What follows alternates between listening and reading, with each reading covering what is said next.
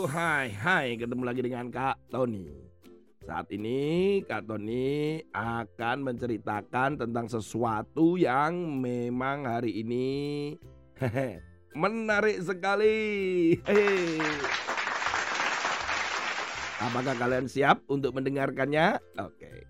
Beberapa waktu yang lalu, seorang yang sedang menginap di sebuah hotel di lantai 40 di kota London Tepatnya adalah uh, di The Shard, ya The Shard di kota London, Inggris.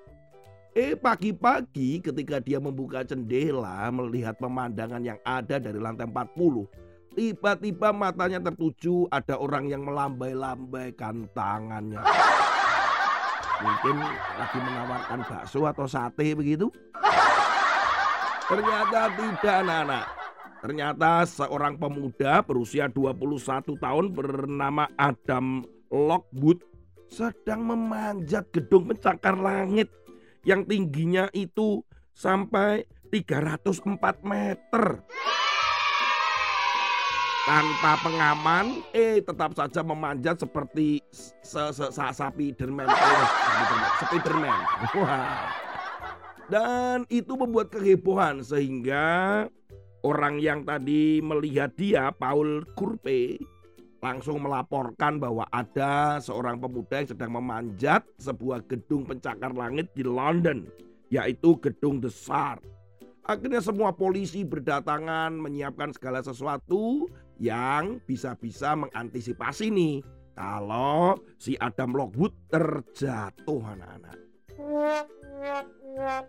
Tapi puji Tuhan si Adam Lockwood yang berusia 21 tahun ini memang tidak terjatuh.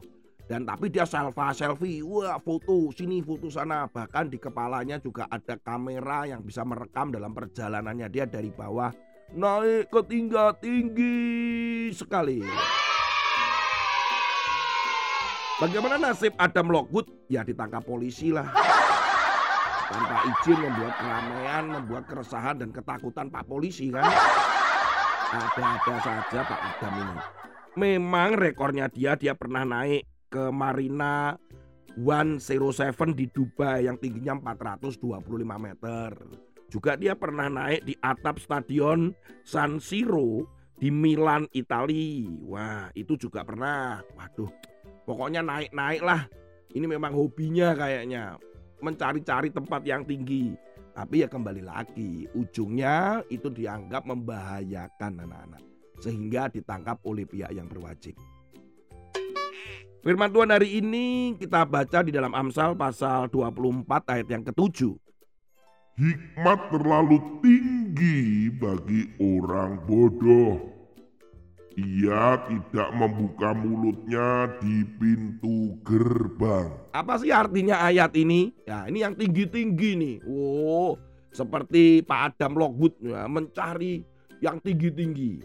Memang firman Tuhan berkata bahwa hikmat itu berasal dari tempat tinggi, tapi jangan dicari di atas gedung.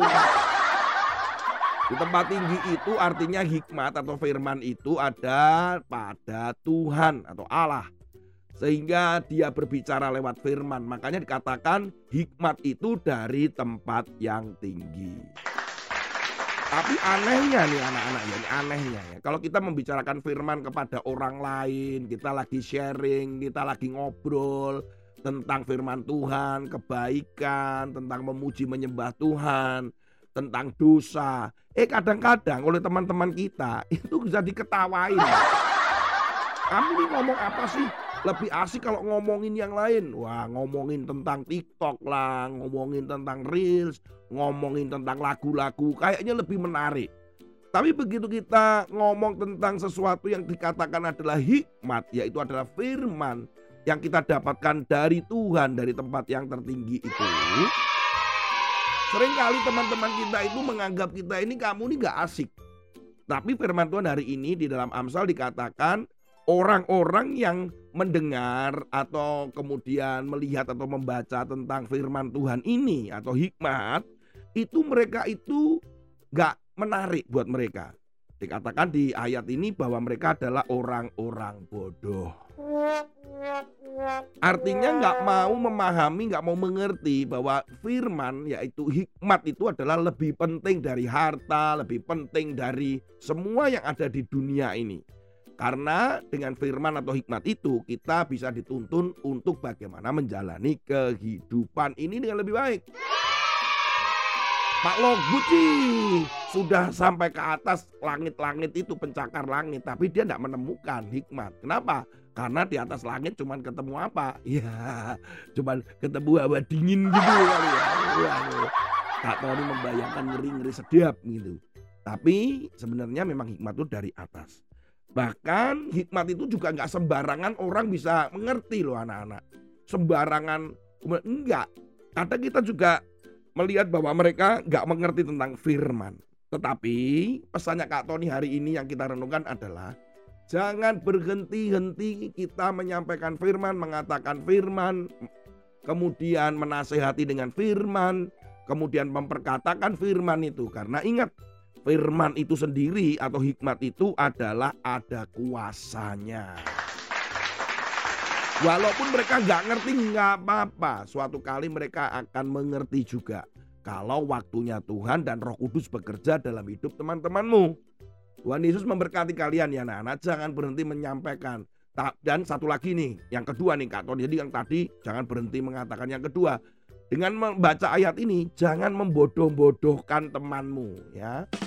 Nah, artinya bodoh itu dalam arti mereka itu tidak mengerti. Tapi jangan kamu bodoh, kamu tidak ngerti firman, kamu bodoh tidak ngerti firman. No, no, no, no, nggak gitu.